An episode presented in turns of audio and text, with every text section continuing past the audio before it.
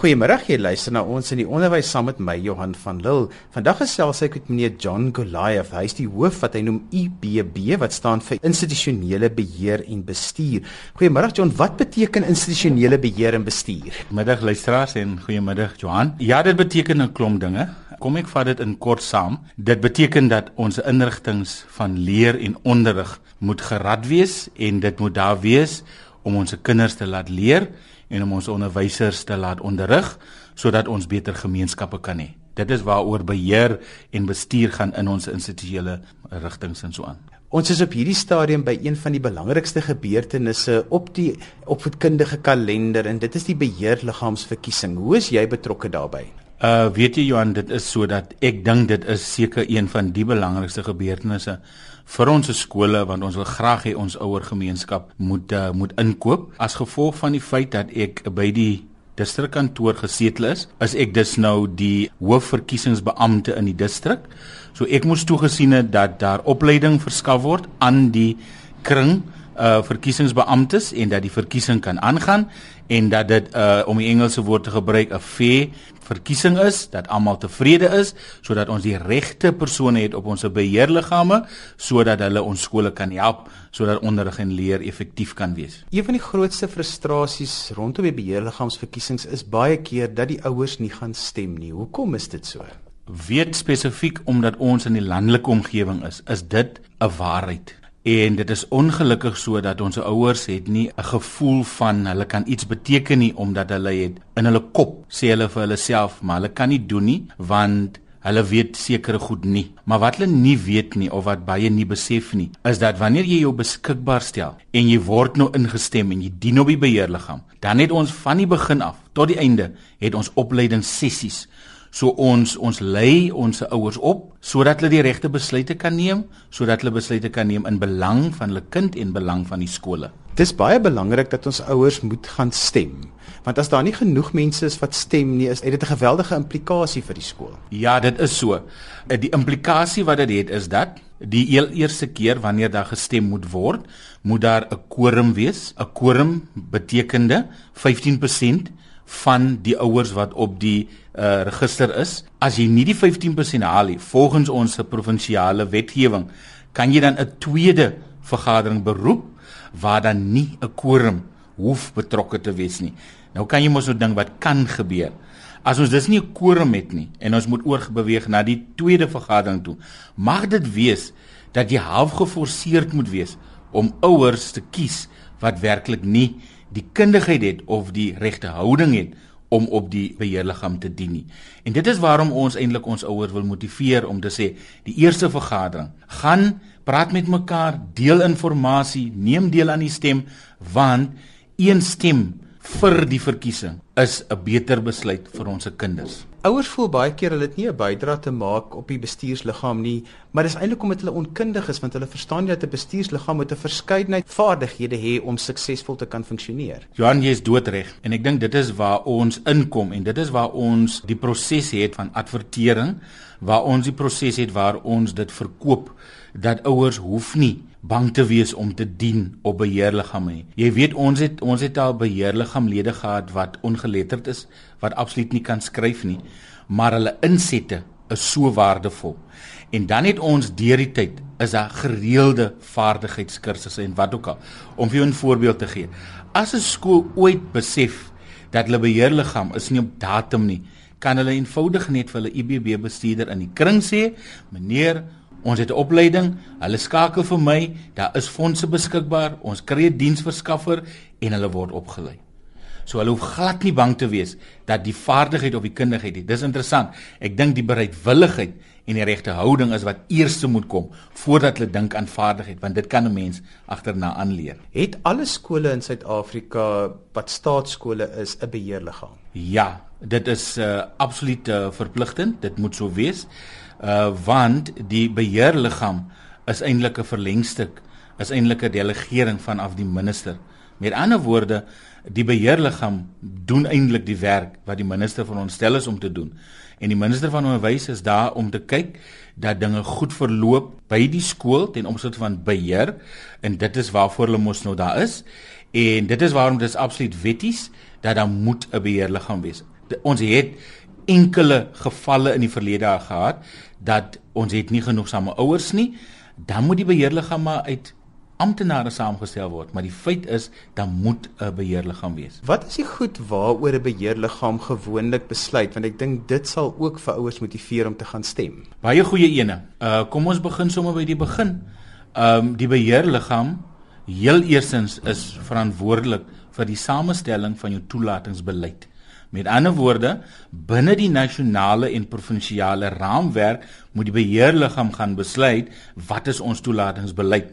Natuurlik is daar sekere kriteria soos jy mag nie op ras en geslag en oriëntasie en wat ook al diskrimineer nie, maar so 'n belangrike aktiwiteit word gedoen deur die beheerliggaam toelatingsbeleid.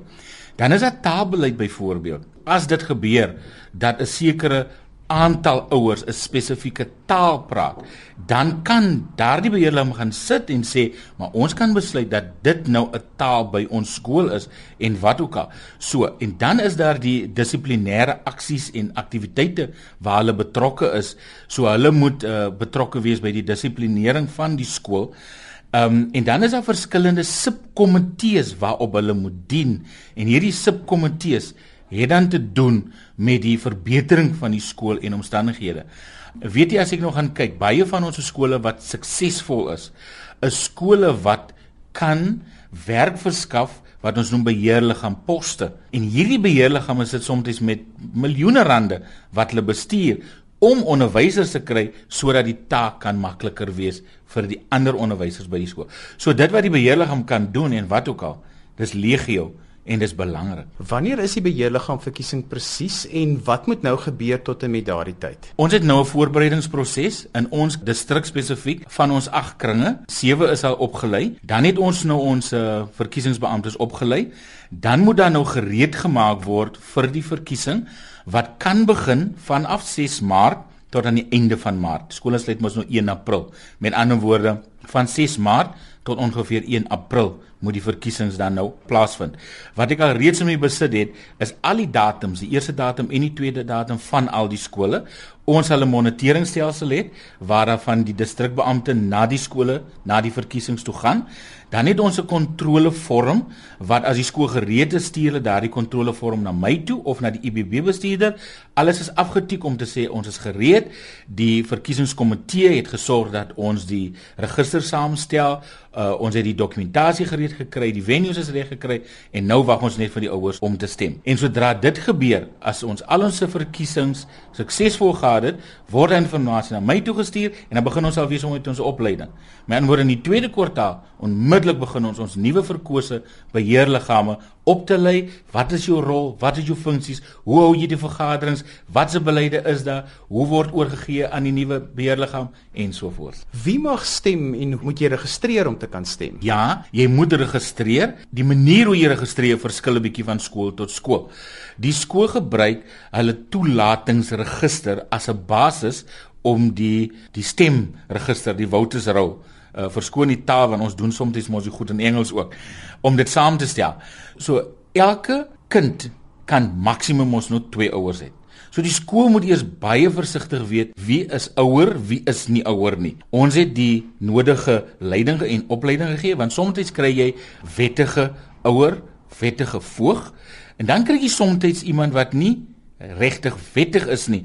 In daardie geval vra ons skole moet die moeite doen want ons het 'n beleid liewer van insluiting as uitsluiting. So ons wil soveel as moontlik ouers hê, maar ons wil wettige ouers hê. So dat se Wouters rou, hy word geskrotineer, hy word nagegaan of dit werklik die ouers is en op daardie aan kan uh vir elke kind ten minste twee ouers dan nou stem. Jy luister nou ons in die onderwys saam met my Johan van Dil. My gas vandag is John Goliath, hy's van die institusionele beheer en bestuur van die distrikskantoor van die Wynlandse Onderwysdistrik by die Onderwysdepartement. Ons praat vandag oor die skoolbeheerliggaam verkiesing. John, wat moet nou gebeur en wat is die goed wat skole in gedagte moet hou by die kiesing van hulle beheerliggame?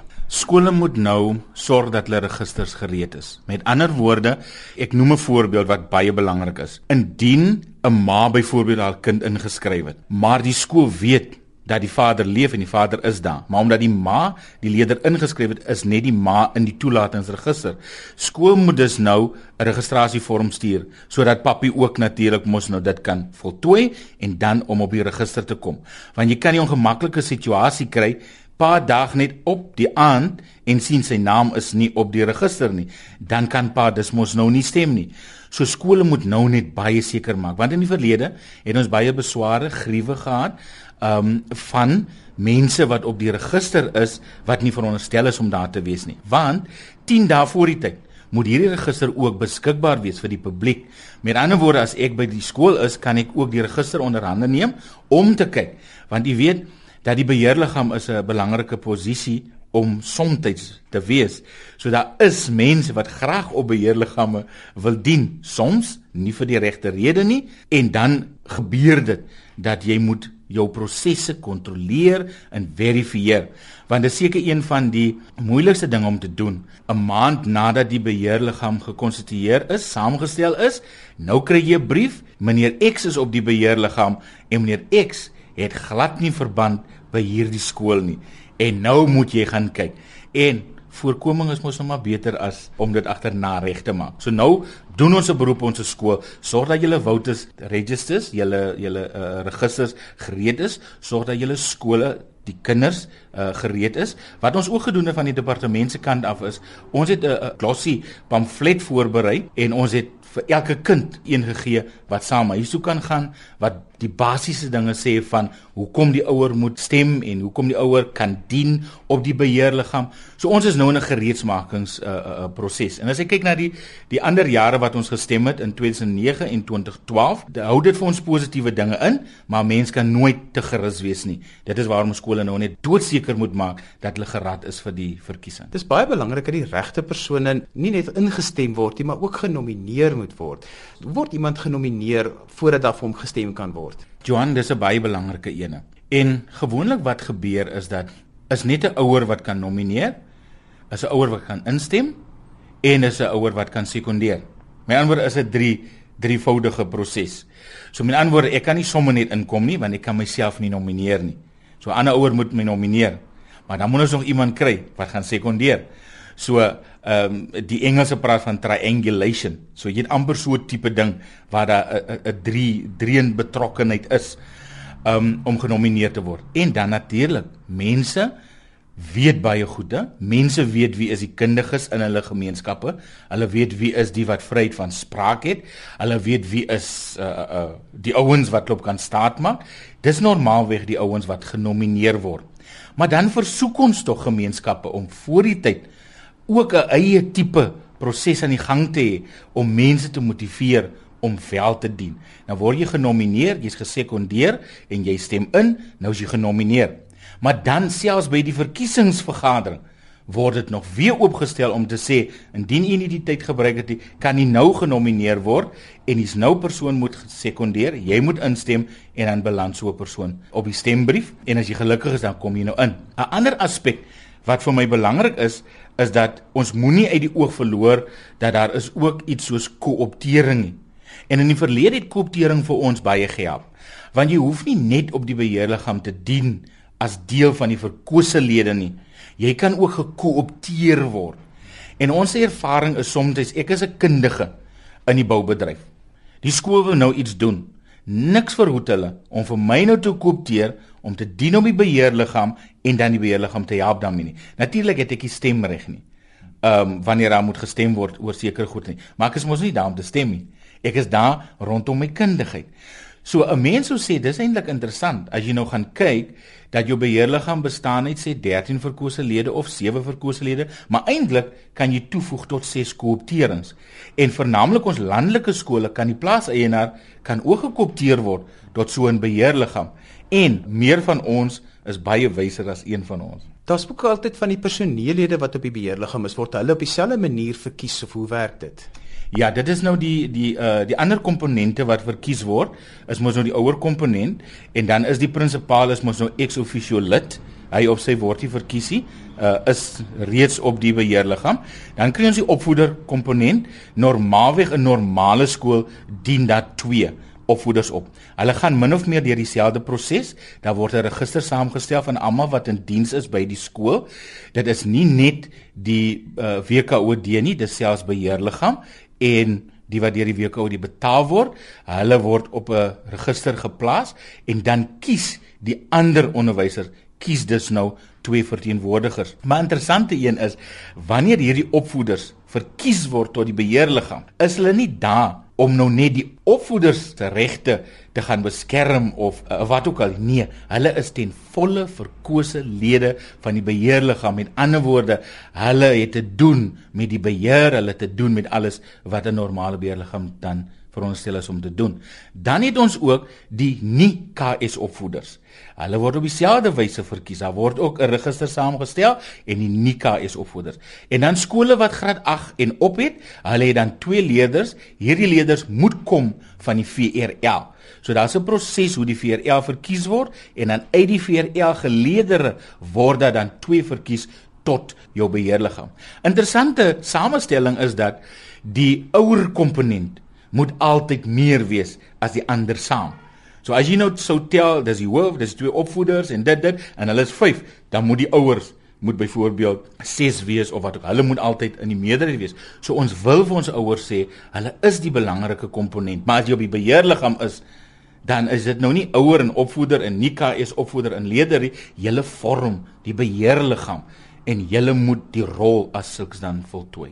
Ons het so paar met 'n oor en ek wil baie graag hê ons moet bietjie praat oor die slaggate. Slaggate waarvan skole moet kennis neem, maar ook waarvan ouers moet kennis neem en dinge wat kan verkeerd loop as dinge nie reg is nie. Slaggat nommer 1 is uh ek moenie sê nommer 1 nie, ek hou nie daarvan nie want jy weet nooit waar jy op hotel nie.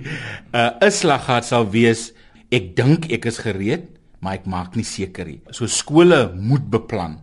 En die beste manier om te beplan is skryf neer, tik af. Moenie dink jy's reg nie.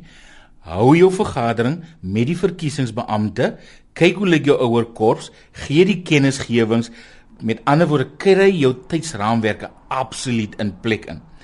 Dit is nie lekker om die ouers daardie aan te hê en hulle kan sien die skool het nie voorberei nie. Wat gebeur dan? Ouers wil sommer nie staan nie. Ons noem dit so. Ouers wil nie stem nie. Want want dit is swak beplan. En hoe wil ek ek wil die dien op 'n beheerliggaam van 'n skool. So skole moet goed beplan. So dis dis ek ek identifiseer 'n slaggat. Die ander slaggat waarvoor ons moet uh, versigtig wees en moet uitkyk na is mense wat wil dien op die beheerliggaam met verskeie agendas. Ek noem dit want dit is 'n feit en ons het dit nie nodig nie. As jy wil dien op die beheerliggaam, dan moet jy dien omdat jy daardie gemeenskap wil vorentoe stoot en jy wil die skool help. Jy kan nie dien op die beheerliggaam omdat jy weet iewers langs die pad is daar 'n bevorderingspos en daar is iemand wat ek kan help met 'n bevorderingsposie. Dan dan is dit verkeerd. En ons prinsipale en die skoolbestuurspanne en die komitee moet uitkyk vir daardie slaggate en so aan. En dan moet hulle sorg natuurlik dat die ander verkiesings plaasvind voor die ouers. Dis ook 'n slaggat. Jy kan nie jou ouers hê en nou moet jy nog sukkel met jou opvoederkomponent en jou leerderkomponent en jou Nika essie. Dit is goed wat voor die tyd moet afgehandel word.